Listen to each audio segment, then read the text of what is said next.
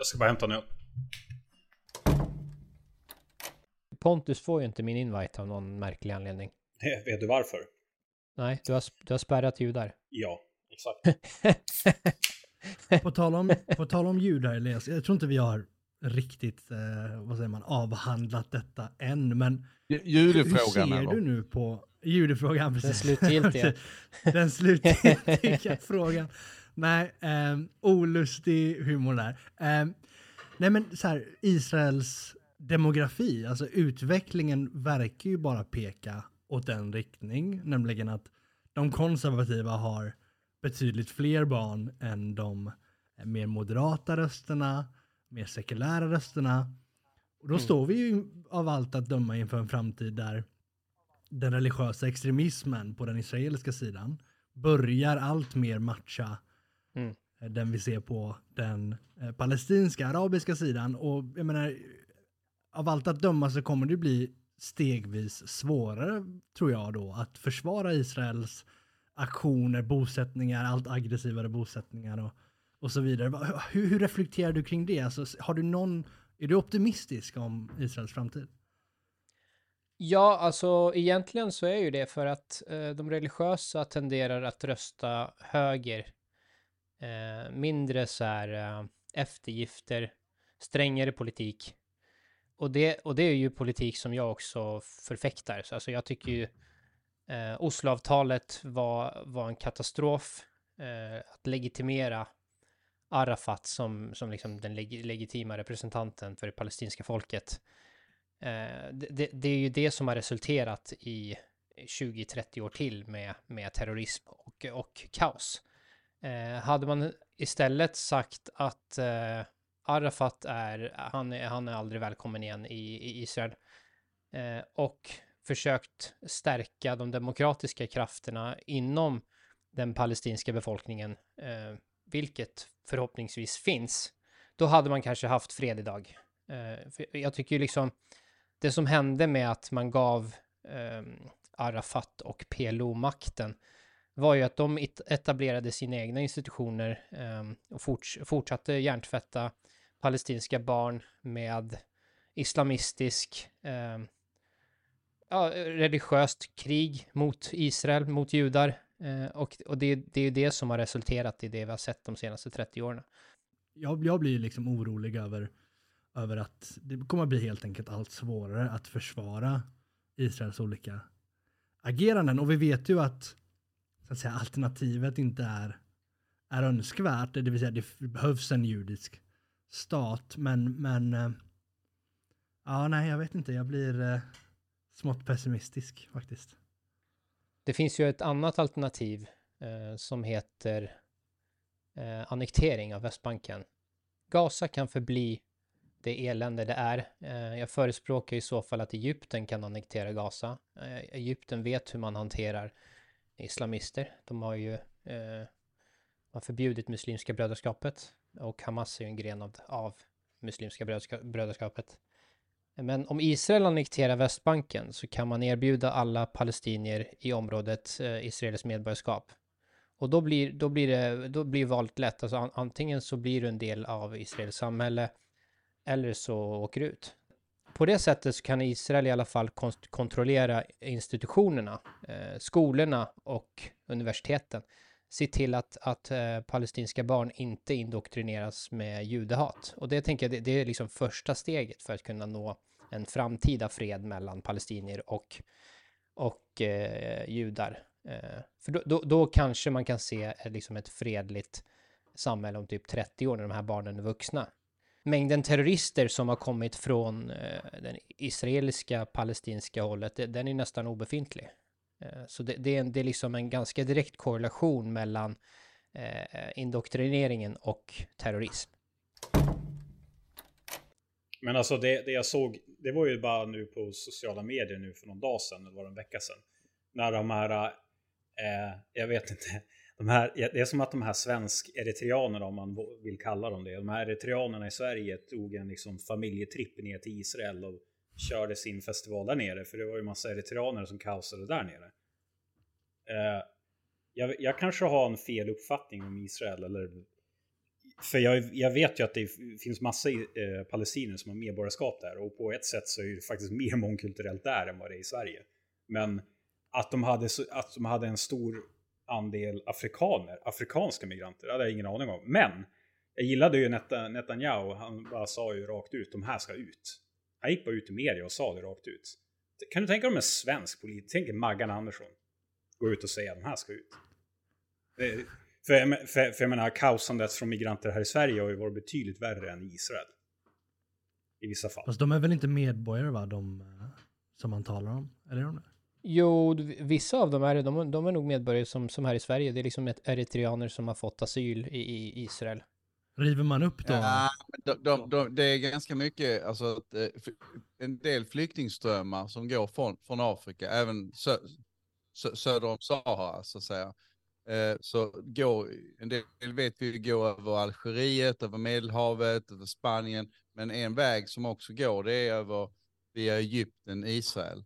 Och så försöker man ta sig till Europa och så fastnar de i Israel. Och eh, de går över gränsen vid Negevöknen helt enkelt. Och det är många som har också eh, fångats av, av eh, ja, rena banditverksamhet i, på Sinai-halvön av, av alltså egyptiska beduiner då som, som har kidnappat dem och utpressar dem och hotar dem. Alltså att de tvingar dem, de torterar de här afrikanska flyktingarna, så, eller ja, så migranter som helt enkelt vill skaffa sig en bättre, eh, bättre livsvillkor i Europa. Så tar de deras mobiltelefon och torterar dem och säger att ni måste skicka pengar och, och sådär. Så det är många som då har flytt över och då har inte Israel riktigt, i och med att det är så fasansfulla förhållanden i Sinai har, har varit, så har Israel bara känt sig tvungna att ta emot de här, eh, de här. Så, så har de fastnat i flyktingläger och där hamnar de ju också i sådana här konstigt eh, utanförskap. De här afrikanska flyktingarna i, ja, att de, det, det är svartjobb och sälja hasch på gatuhörnet och, och ja, de bara sitter och hänger och bara sitter och tittar och sådär. Liksom, de, de har ingen funktion i det israeliska samhället alls och sådär. Kanske inte något arbetstillstånd och så vidare. Så har det blivit och, och de kommer inte riktigt vidare till Europa heller för de har inte råd och, och, och så, så. Så har det blivit ett sånt, eh, ja, ungefär som de här grekiska öarna under 2015. Det har bara fastnat liksom limbo. 2015 idag? Det var väl nu idag eller igår? Liksom. Ja, okej, okay. jag, jag, vet. Alltså så, men, men, men, det är väl bara... Men för att återgå till, eh, till Adrians eh, fråga där, den första frågan, så alltså, det finns ju det finns nästan inget land som är så statsvetenskapligt där man följer demografin så mycket som Israel. Det, de, är, de är verkligen fixerade vid demografi, skulle jag, skulle jag säga, det, det israeliska samhället.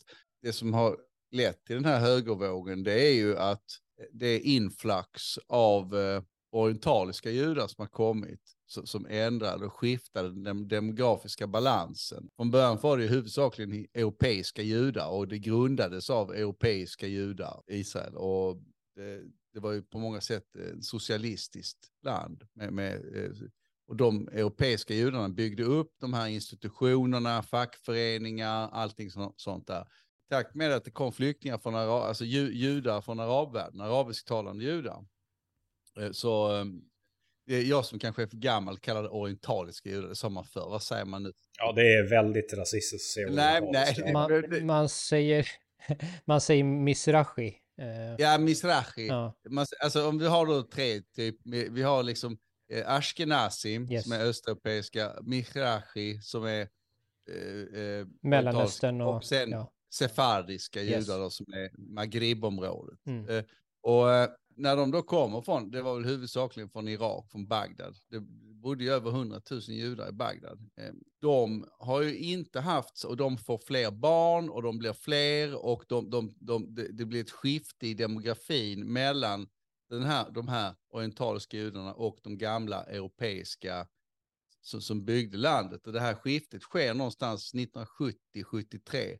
Och det är också därför Begin tar över och vinner eh, valet för första gången. Eh, det har ju varit en, på många sätt en socialdemokratiskt land eh, innan dess då. Och när de då, det, det är det stora demografiska skiftet. Och det här är bara fortsatt, därför att de föder fler barn och de har inte samma sån här tradition, demokratiska reflexer, traditioner. De har inte riktigt samma till, till det här med mänskliga rättigheter och, och, och, så. Det, det, det, är inte lika viktigt. Alltså, säkerhet är, är viktigare. Än, alltså de, de är ju präglade av eh, flera hundra år av exil i arabiska länder. Så de har ju anammat delvis arabisk kultur på många sätt och vis. Mm. Eh, så...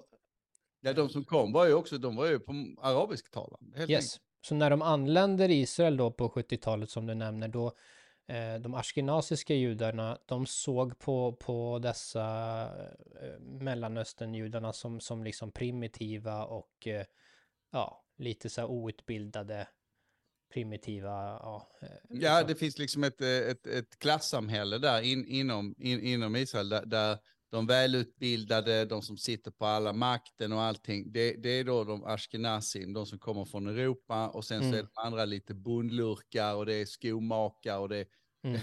ja, så, sånt där. Men det är väl inte så konstigt att de har ett mer fokus på säkerhet med tanke på att de är omgärdade av fiender. Alltså som vill döda dem. Jo, men det kan man säga att alla då, men just att de har inte den här europeiska bildningstraditionen som man på många sätt förknippar med, med yes. Men med det sagt, så som Pontus nämnde, så kan man ju se på Israel som mer mångkulturellt på många sätt än, än, än, än Sverige. Men eh, grejen är ju att även om, om det är mångkulturellt i den bemärkelsen så var det ju judar det var snack om som hade behållit i väldigt hög grad sin judiska identitet och judisk tradition. Så, så själva läran, själva religionen manifesterar sig på, på väldigt likt sätt som mellan ashkenaziska och sefardiska judar. Det, det är mindre skillnad eh, på hur eh, religionen utö, utövas internt i judendomen än, än till exempel shia och sunni, där du har enorma konflikter och krig och, och blod och så vidare. Det har du inte bland judar. Det utvalda folket. Exakt.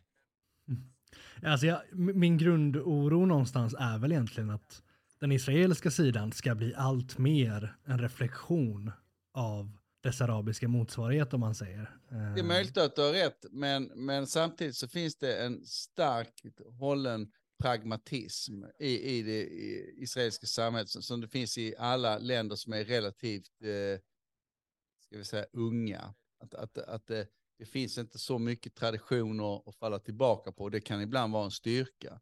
Exempelvis så har vi ju då de andra, de som kallas ultraortodoxa. Vad kallar vi dem? Eh, där, Haredim. Ha, ha, yes. Ja. Och, och de har jag levt bland i, i sex år. Ja. Hög, högerextremister i svensk kontext, okay? Nej, de, de är, men, men där kan, det, det, det, är också det här som är då som lite, jag vill gå emot Elias, eh, det här med att det är mångkulturellt. Ja, alltså, fast om du lever i de här Haredim, eller mm. du lever i eh, någon grupp, då, då mm. lever du ju i en, mon en monokultur.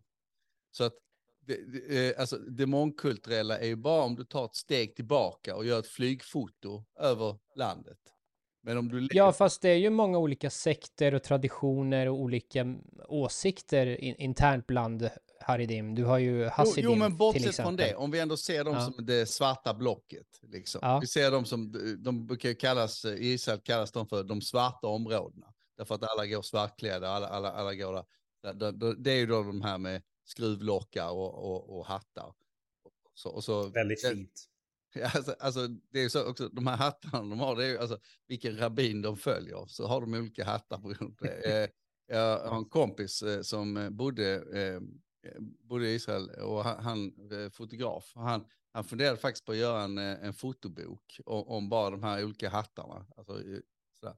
Det är så konstigt. Men alltså, nej, ja, nej men bara för att tvärta, alltså det jag menade med mångkultur, det var ju det att när många snackar om Israel och de snackar om apartheidstat, då menar de typ att det är bara judar som bor i Israel. Men alltså det finns ju skitmånga medborgare som inte har judisk härkomst. Ja, ja, absolut. Och, och Israel är det enda landet i Mellanöstern där kristna befolkningen växer. Det, liksom, det finns inte så många kristna kvar i eh, Irak, Syrien, e-, Egypten. Du har ju eh, min, en minoritet i, i Libanon som blir mindre och mindre, de har mindre och mindre makt. Eh, ja, de kristna blir ju det är liksom folkgruppen som är mest förtryckt idag i Mellanöstern. Men, men vilja om, jag bara får, om jag bara får avsluta det här med Haridim, eh, de här, så är det ju också där, apropå Adrians första fråga om, om skifte och demografi och, och förändring. De röstar ju oftast på sina egna partier. Eh, Och eh, de, jag tror att det israeliska parlamentet, Knesset, de har bara, jag tror bara det är en, två procent som man behöver få komma in. Så man behöver vara ganska få för att komma in och få ett parti. Så de har ju sina egna partier. Och de brukar då traditionellt, som vi säger, stödja eh, högern. Men kruxet är ju att de har ju aldrig riktigt heller varit en del av det israeliska samhället. På något sätt vis så lever de på det, parasiterar kan man säga, på, på det israeliska samhället. Eh, Alltså, och, och det gick ju bra när de var 3-4 procent av befolkningen. Då betraktade det övriga judiska mainstream-samhället, de här eh, med ultraortodoxa med skruvlockar, då betraktar man dem som en slags, eh, ett slags levande Skansen. Liksom så, åh vad tre- trevligt att ha. Ungefär som en slags, så, va? Men, men Slänger in, får slänger in judar och Skansen i samma men eftersom de får, ja, men eftersom de får eh, åtta barn var allihopa, eh, så, Mm. så har de ju växt nu. Så ett par generationer senare så är det liksom 5% 7 och 10% så what the hell. Alltså, det här går inte längre. Så, och, och i och med att de inte gör lumpen, vilket ju är en central del av det israeliska... Måste de inte göra det? Nej, ja, det, Nej, det, det har Det ändrats måste nu. de inte. Det, det har Ja, ändrats. jag, Mm. Först ska jag bara kommentera att det tog inte många minuter in i podden innan du, du kallade judar för parasiter, Lukas. Så det var så Ja. Mycket bra. Ja, Alltså de är parasiter på, på den israeliska staten. Nej men, Ja. nej men jag skojar bara. Så, men det, det, det stämmer ju det du säger, de är ju en del av transferiatet. Ett judiskt transferiat, det har jag aldrig, det var, trodde jag aldrig jag skulle höra. Nej, men de, de producerar ingenting. Nej, de, alltså, nej, de gör ju inte det. Alltså inte ur ett, liksom ett rent eh, ett fritt marknadsperspektiv. De har ju ingen produkt de säljer precis. De går, alltså, de går ju till, eh, till sina skolor från dag till kväll, så kallade yeshiva. Så går du liksom från klockan sju eh, så börjar morgonbönen eh, och sen, sen efter den så kanske du käkar lite och sen är det direkt till talmudstudier eh, från, från morgon till kväll.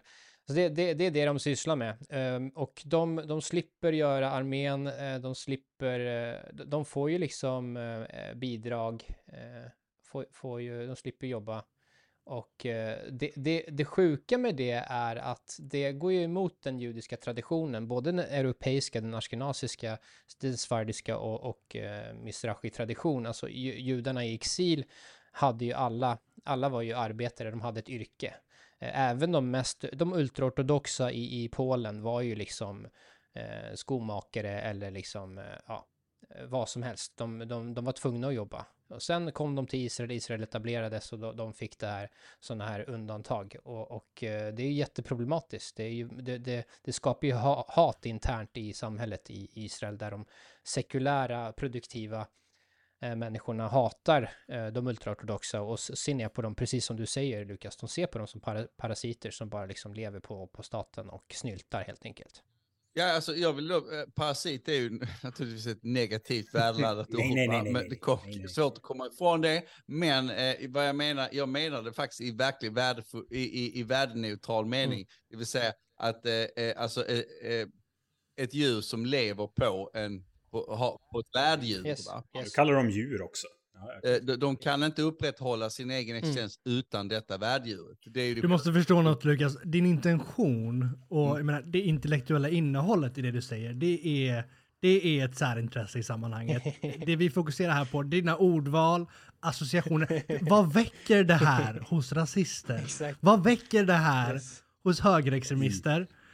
Hundvisslan. tänk, tänk på hur det här kan komma att användas.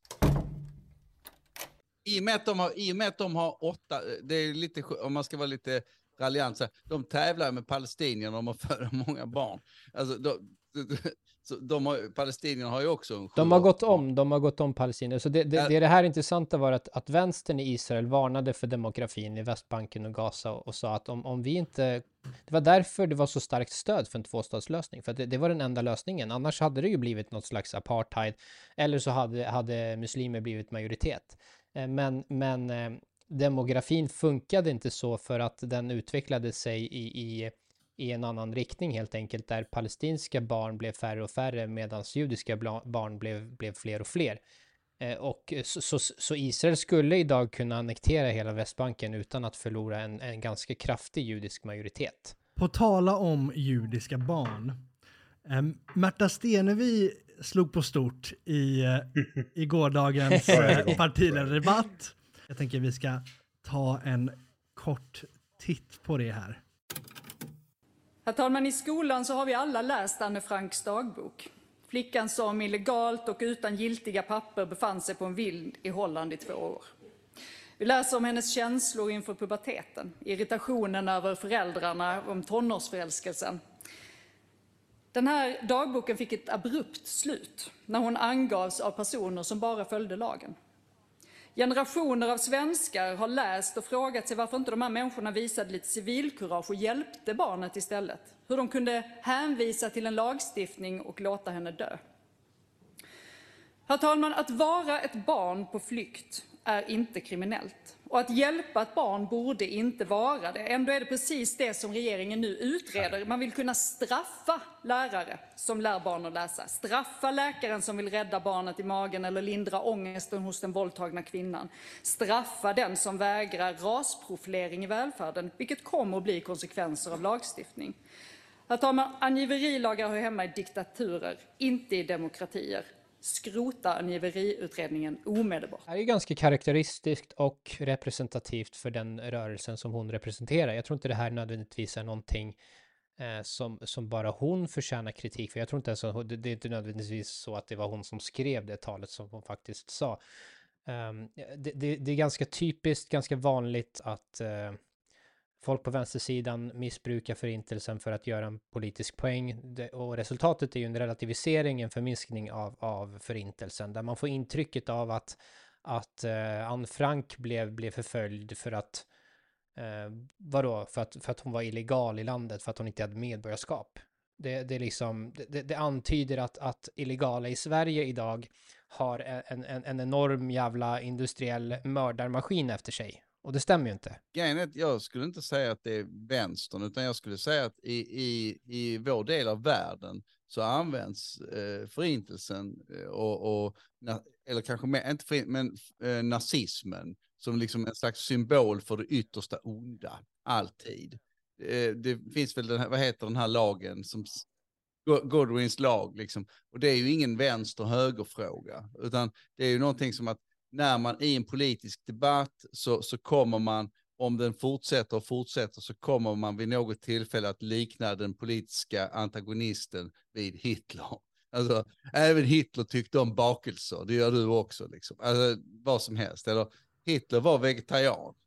Så det, det, det slutar alltid, på något vis är det det yttersta ondska, äh, ondskan. Äh, det... Men det är, väl, det är väl bra att vi någonstans alla är överens här om att, om att Hitler inte jo, var men, bra. Men poängen är att det, jag vill bara säga att, att det är någonting, det är en del av uh, vår, vår utbildning, liksom, we all learned to hate the nazis. Liksom. Jag såg en meme, vänstern är ju by the way så jävla, det är den här klassiska left camp meme. Alltså de är så fantastiskt dåliga på det. Men de, då hade de gjort upp en sån här bild, typ så här, tänk dig Aftonbladet, vad heter de här? Eh, så här tecknade skiten de brukar lägga upp. Det är Anders Lindberg brukar lägga ut. Men då var det i alla fall då en, en tecknad bild på en, en, som, en mamma med sitt nyfödda barn som låg i en sjukhussäng. Och så sen stod en läkare och en sjuksköterska där tror jag det var. Och så sa de bara ja nu ska vi väl anmäla henne då. Och så var det någon som hade lagt ut den och sagt att eh, ja, här anmäler man eh, flyktingar. Typ. Men alltså de är ju bokstavligen talat inte flyktingar. De är inte papperslösa, de är inte flyktingar. De, det, det, det, det är de här människorna som alltid babblar om rättsstaten, hur viktigt det är med rättsstatens principer. Slänger de principerna åt helvete så fort det kommer om, handlar om illegala nu. För det här blir ju, det här blir ju jätteskönt prejudikat för eh, oss Sverigedemokrater. Då kan ju bara Sverigedemokrater i framtiden säga Jaha, så den här personen har fått uppehållstillstånd. Men vet du vad? Det skiter vi i. Vi skickar ut dem ändå. Det är ju det man kan göra. Alltså, fine, vi kör på det här då. Men ni kommer ju inte gilla utfallet. Det kan jag lova er. Liknelsen är ju också så att eh, Anne Frank eh, var ju en flykting. Eh, de här personerna som ska anmälas, det, det alla glömmer bort, de är, de är ju inte flyktingar. en tjänsteman har fattat ett beslut att de inte är flyktingar. Hade de haft flyktingskäl så hade de ju fått stanna. De är inte papperslösa i någon mening. De har fått ett papper. Och på det pappret så står det att eh, de, de, ska, de får inte lov att vistas i landet. Men varför har vi då en så patetisk höger som låter vänstern diktera terminologi och semantik? Vi borde ju, alltså när, när, när vänstern skriker angiverilagar så ska, ska då högern säga nej, det är anmälningsplikt. Men, men ändå så blir ju jargongen... Alltså, vi, kan, vi, kan, ja, vi kan kalla den för Akilovlagen istället. Vi myntar begreppet Akilovlagen, så varje gång någon journalist ställer frågan så, så säger du eh, det här med eh, angivlighet, menar du Akilovlagen? Som sagt, jag är ju själv en, en, eh, i grunden en, en vänstermänniska och... Eh, ja, jag vet, det är hemskt. Usch, och, och, vänster Eh, eh, politiskt. Och jag vill ju ha en stark stat. Va? Och, jag, och, och, i en stark stat måste vi ha oväldiga tjänstemän. Och då måste ju alla andra tjänstemän, till exempel lärare och läkare, sådana som jobbar, då måste de ju på något vis, det här är min kritik mot det här med protesterna då från så här Miljöpartiet, det är ju att de säger, eh, eh, nu tappar jag bort mig, du får klippa här Adrian, eh, jag hör stövlarna här i bakgrunden. Vi, vi nej, men, nej, men, nej, men jag vill ha, jag, kolla här, jag vill ha en stark, alltså, jag vill ha en stark stat. Då måste vi i någon mening, om vi ska ha en stark, funger, välfungerande byråkrati, så måste ju vill varje man lita på mannen bredvid. Så att ja. de tjänstemännen inom eh, läkare, lärare, de måste ju lita på den här oväldiga tjänstemannen på Migrationsverket som har beslutat att den här personen inte har rätt att vara i landet. Det, det man ska säga till den här äh, läraren som, och de här som slår sig på trumman, jag tänker minsann äh, inte äh, anmäla någon. Då ska man ju ställa frågan, tänker jag då ur, ur ett vänsterperspektiv, vem fan är du och sätter dig över en tjänsteman? Precis. En kollega till dig som, har, mm. som är expert på området, som har borrat igenom så här kommer du och bara säger någonting helt annat. Det skulle vara som om en läkare gör ett ut, ut, läkarutlåtande om någonting och så kommer jag bara som lärare och säger nej, nej, strunt i de där pillerna. Liksom. Mm. Alltså, Men är, så, så, så vi kan ju inte ha en, en, en, en samhällsordning där man väljer och vraka vad man själv vill ha. Det är det här som är grejen, att det här har vi pratat om tidigare också, Lukas. Det här, de är ju inte alltså, för rena kollektivister, alltså riktiga vänsterfolk, marxister. Som jag. De, ja, typ du, jävla röding. De, de hade ju bara liksom, okej, okay, eh, ska vi sätta det kollektiva, det vill säga samhället eller statens liksom, maktutövning först. Det är en utilitaristisk princip. Ja. Att man måste ibland göra saker man kanske inte är så Exakt. bekväm med. Ja, och då, och då eller, eller som de resonerar, ska vi sätta individuella rättigheter, individen före det gemensamma, det samhälleliga.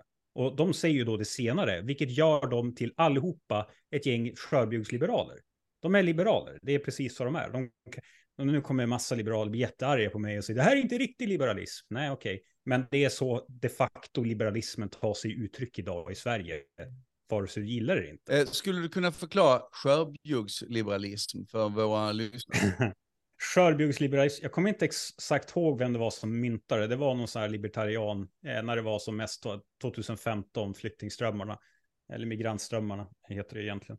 Men då var det ju så här, ja hur många kan vi ta emot handlade debatten om. Och då svarade någon som sa bara, ja alltså så här många tusen kalorier, 2000 kalorier behöver en vuxen människa varje dag. Och så här många kalorier innehåller det i två kilo ris, typ. Och två kilo ris kostar 200 spänn, jag vet inte vad de sa. Och, och så multiplicerar de ihop med antalet individer då som kom. Och titta, så här lite kostar det att ge alla mat. Eh, och så här mycket kan de jobba och tjäna in skatt på. Och det blir en vinst. Du vet, så var på riktigt debatten 2015-16. Skörbjugsliberaler. Jag, jag hade ju tänkt prata lite grann om, och vi kommer väl in på det här då, det, det här man brukar säga, som man brukar kalla för eh, den djupa staten. Och, och vad, det, vad det är för vad, vad är deep state, den djupa staten? Historiskt så går det ju tillbaka som vi alla vet till eh, Turkiet och den turkiska militären och säkerhetstjänsten som, som eh, under fram, fram till Kemal Atatürk, eh, efter att Kemal Atatürk dog, så har de hela tiden eh, lurat som en grundstruktur i bakgrunden och eh, man kan acceptera politik och styrelseskick och olika varianter på demokrati. Men om eh, den turkiska nationen hotas på något sätt så kommer militären gå in och eh, om den kemalistiska revolutionen hotas så går de in och bara stänger ner. Va? Och vi har sett eh, samma princip kanske kan sägas i Thailand eh, också, där, där, man kan ha eh, lite förnumstiga val som är avsedda för den internationella offentligheten.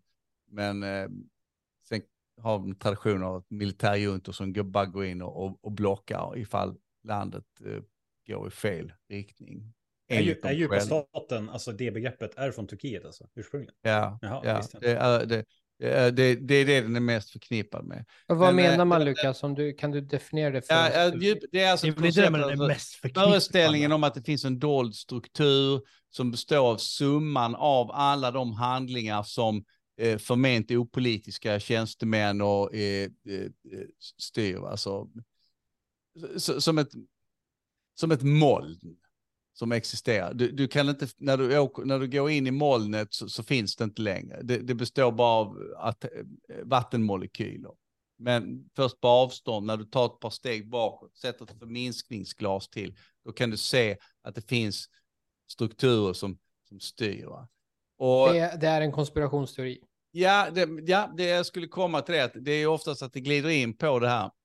Eh, och det har, blivit, det, blev, det har ju blivit frågan och namnet och termen deep state har ju blivit aktuellt i och med eh, Trump och i och med Trumps eh, valförlust. Då har det också det här begreppet kommit att kopplas till eh,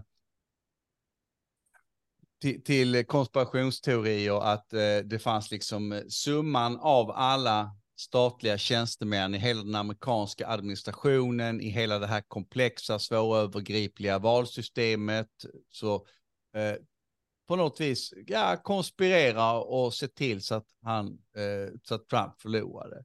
Eh, så var det ju inte, det är ju en konspirationsteori. Alltså, eh, Donald Trump förlorade verkligen valet. Det, det är punkt slut liksom. Mm. Men, men eh, just den här föreställningen, det, det, jag tror det går tillbaka också ännu längre, alltså, jag tror det var redan den preussiska administrationen, det finns en sån här anekdot om det, jag tror det var den, den preussiska utrikesministern han tillsattes, så he, hela utrikes... Det här är storyn i alla fall. Eh, det, eh, hela byråkratin avskydde den nya chefen. Så de såg bara kollektivt till så att ingen information nådde honom som var viktig överhuvudtaget. Så de bara skötte hela utrikesdepartementet själva, alla byråkrater. Helt enkelt. De det bara, låter väldigt preussiskt. Ja, ja, de bara sket, de bara sket det. Eh, eh bara sket i det helt enkelt. Så, så, så, till slut så ledde det till att utrikesministern han fick ett nervöst sammanbrott. Va? Så han, han lärde sig den hårda vägen att byråkrati har makt. Och det är kanske det som är eh, eh, eh poängen här, va? när man talar om det här, det, den djupa staten. Att byråkrati, byråkratier kan ha en vilja, en kollektiv vilja. Ja. Och det är det som är, jag skulle vilja kunna kalla det för den djupa staten. Eh, och om vi då går till det svenska, till, till den svenska här, så kan vi på sätt och vis säga att den djupa staten i Sverige historiskt bakåt i tiden under socialdemokratins eh, storhetstid och välfärdssamhällets uppbyggnad, ja, den har varit jävligt djup, den ja, djupa ja. staten. På så vis, och på ett bra sätt, alltså till det goda. På så mm. vis att politikerna kan ge regleringsbrev till tjänstemän som förstår vad politikerna vill ha och göra och agera där tjänst, de här oväldiga, opolitiska tjänstemännen agerar i enlighet med poli, poli, politikernas poli, eh, vilja. Att, eh, och bygger på alltså, att när den enskilda eh, handläggaren på Trafiksäkerhetsverket eh, märker... Trafiksäkerhetsverket, att, du är så gammal så att... Det ja, men trafi, Trafikverket, skitsamma.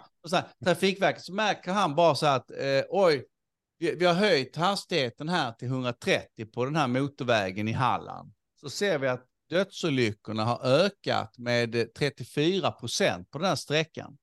då sänker han bara hastighetsskydd. Då bara säger, då bara säger han till gubbarna, eh, ni får sänka den här till 90 igen. Det går inte så här snabbt på den här vägen. Ja. Det, det här är alltså, det här är liksom, eh, jag vill inte säga att det är den djupa staten, men, men alltså, det, det är alltså tjänstemän som agerar med förnuft för det allmännas bästa. Fast ja, exakt. Ja, men då kan jag väl ändå möta det där på mitten. Det är väl typ det jag vill ha.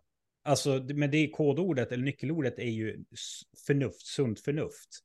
Men det, det existerar ju inte idag. Alltså går Nej, och pratar med en tjänsteman idag och säger, ja men kan du inte använda ditt sunda förnuft? Du vet, han kommer ju titta, kommer är- titta på dig som att du är en inte en, Pontus, det är inte en vänstergrej. det är Nej, ju nej, snarare en nej. liberalisering. Ja, ja, ja. Du, du, vi kan kalla det vad du vill, men det är i alla fall en politisk lutning.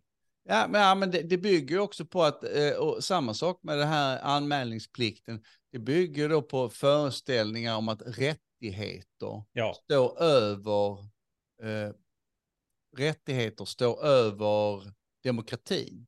Ja. Det var ju samma sak 2018 så var det ju ett antal, eh, flera hundra tjänstemän på, eh, regerings, på riksdagskansliet Nej, tillsammans med ut- eh, utrikesdepartementet. utrikesdepartementet Ja. som eh, började ställa, ställa, ställde öppna frågor om eh, eh, kan vi, hur, hur ska vi, måste vi följa en svensk regering, vi som tjänstemän, ifall de inte har rätt värdegrund? Börjar de ställa här, då är vi inne på någonting som är väldigt farligt. Och här tror jag nog att då, den kritiken de fick från högerhåll, från, från Carl Bildt och från, från andra, det var många som gör, de sa, ja här ser vi liksom den djupa staten, här ser vi då, det här är en sossekampanj eh, orkestrerat av socialdemokratiskt utsedda tjänstemän och, och så. Men faktum är, och, och, och så blev det polit, den här höger-vänsterpolitiken av den. Men faktum är att eh, det, det här eh, uppropet eller den här frågeställningen som de hade är ju någonting mycket värre och någonting mycket, mycket allvarligare. Eh, nämligen att, att vi har alltså tjänstemän som eh, på öppet eh, eh lyfter frågan om de ska följa demokratin och istället de demokratiskt fattade besluten och istället så är det deras tolkningar av Mm. eh, värdegrund, vad va, vad fan det nu är, och, och eh, mänskliga rättigheter och så. Och det vet vi ju alla som, som kan någonting om samhällsvetenskap, att den här typen av rättighetstänkande är otroligt fluffiga och luddiga definitioner som man kan eh, använda till precis vad som helst. Så vad det i praktiken innebär det är ju att eh, tjänstemän säger vi, vi anser oss inte skyldiga att följa demokratin. Jag, jag tycker det är helt obegripligt att inte alla de fick sparken. ja, ja. Det, är- Alltså det, de- det, ja, ja. det är helt sjukt. De, det, skulle bara varit, det var en enda stor lista med folk som skulle sägas upp. Men, men då för att återgå till eh, den, den kommunal, eh, alltså hon som jobbade inom kommunal, den här fackrepresentanten där vi såg i klippet som stod och snackade inför alla lärare. Alltså allting du har sagt nu, det är grekiska för henne. Hon förstår absolut ingenting. När du börjar prata om statens maktutövning, när du börjar prata om demokrati före värdegrund, hon förstår ingenting av det. Och det är ju så många tjänstemän idag som har som är marinerad i det där tänket, att det är värdegrunden som går före det demokratiska, det, det, statens maktutövande som är en förutsättning för demokrati. Alltså, Mm. det, Och det, det är ju helt bakvänt, därför att förutsättningen för att någonting ska kunna upprätthålla eh, rättigheter är ju, är ju staten. Exakt. Så, så exakt. att eh, de, de vänder ju på det. Alltså, jag bara åter, jag hittade här, alltså vad, eh, vad det här upproret eh, till ka- regeringskansliet som startade av eh, en eh, person som heter Pernilla Nilsson på, på UD. Eh, det var alltså, frågorna ser ut så här. Det är alltså de ställer, tjänstemännen vill ha svar på en rad frågor. Om, det här är alltså inför valet 2018. Om arbetsgivaren kan garantera att nästa regering och regeringsunderlaget inte kommer, citat, urholka regeringskansliets värdegrund. Herregud. Slutcitat. Ja. Nästa är, vad händer med citat, lojalitetsplikten gentemot regeringen och arbetsgivaren, slutcitat, om de, den hamnar i citat, konflikt med regeringsformens bestämmelse om människors lika värde, slutcitat. Den tredje frågeställningen är, Vad innebär det för, citat, tjänstemännens möjligheter att företräda, citat, Sveriges internationella, eh, internationellt om, citat, företrädare för regeringen och eller partier i regeringsunderlaget anser att vissa tjänstemän med hänsyn till deras bakgrund, till exempel judar, samer eller muslimer, inte är svenskar. Björn Söder igen. Ja, ja, ja precis. Det, det, är verkligen, och, och det här är ju, det här är ju, det, det här betraktas då av högern felaktigt. Jag tycker hela högern är helt dumma i huvudet. Alltså som att det här är liksom en, ja det här är en, en förtäckt krypskyttekampanj. Men det är ju egentligen någonting ännu, som återigen kan inte nog säga det, det är någonting mycket allvarligare egentligen. Men är, är inte problemet Lukas att vi har tjänstemän och offentligt anställda som är då politiska aktivister som tycker att sin aktivism är viktigare än, än, än lagar och regler i, i Sverige. De, de, de, de, borde ju, de borde ju avsättas, de borde ju sparkas. Om, om du är politisk aktivist, poliser till exempel, som knäböjer för BLM, de borde sparkas med en gång. Vad fan har de på med? Ja, jo, det, ja, ja, fast alltså egentligen. Crowd control, de lugnar. Nej, men, nej, men alltså. Det, det, det, Allt är för inte, nej, nej, det är inte det som, det, det, det är ett problem, men det, detta är inte problemet. Det, det här jag beskriver nu är ett djupare och mer allvarligt problem. Eh, det, det andra... Det är, kul, det, är kul, det är kulturellt.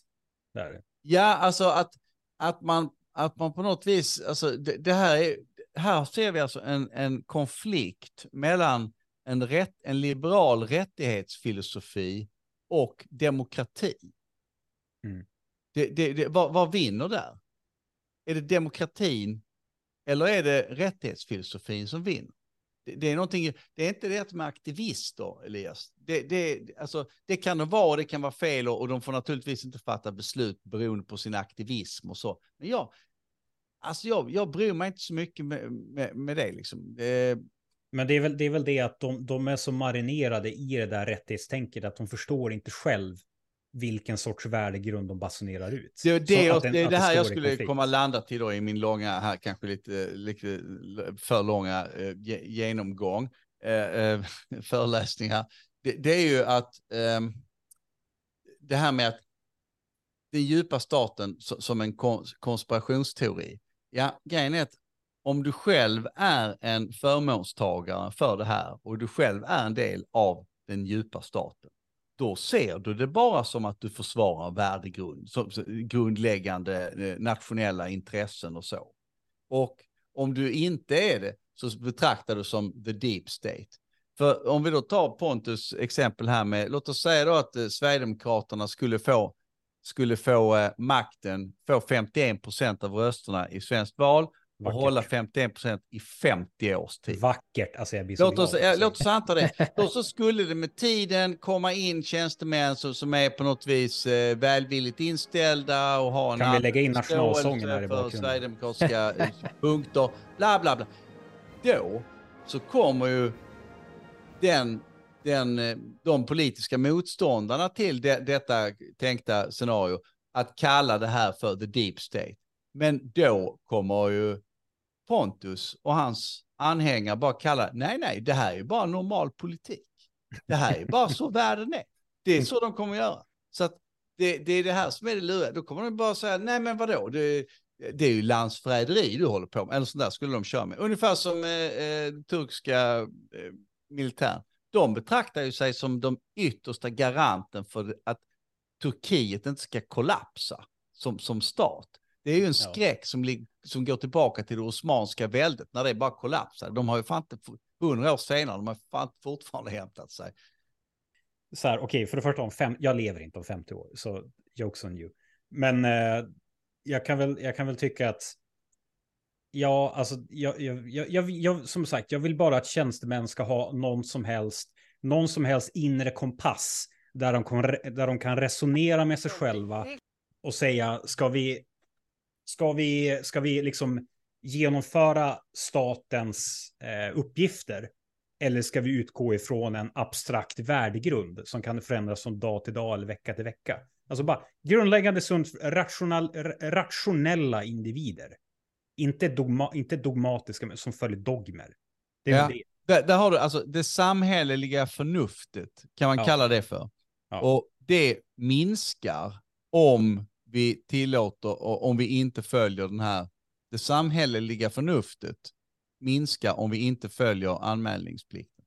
Vi måste få bort alla de här jävla aktivisterna. Så jag, jag vill ändå påstå att det är ett problem med politisk aktivism bland tjänstemän, anger, angiverilagar eller vad fan vi ska kalla det. Vi borde ange alla politiska aktivister in, inom offentlig sektor. De, de ska få sparken, de ska ersättas med personer som förstår att de har en, en roll, de har en uppgift att, att eh, göra och eh, det går inte ut på att, att, att de sitter där för sin egna politik som är subjektiv och vä- vänstervriden.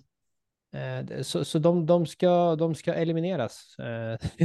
De ska bort. Men, men jag skulle ändå säga att det, det, det är inte, är det inte snarare så att man vill på ett kollektivt plan signalera si, sin egen eh, godhet? Ja, absolut. Det är godhet. eh, En aktivist är, på något vis någon som drivs av en inre, en inre kärna, en, in, eh, en, en inre,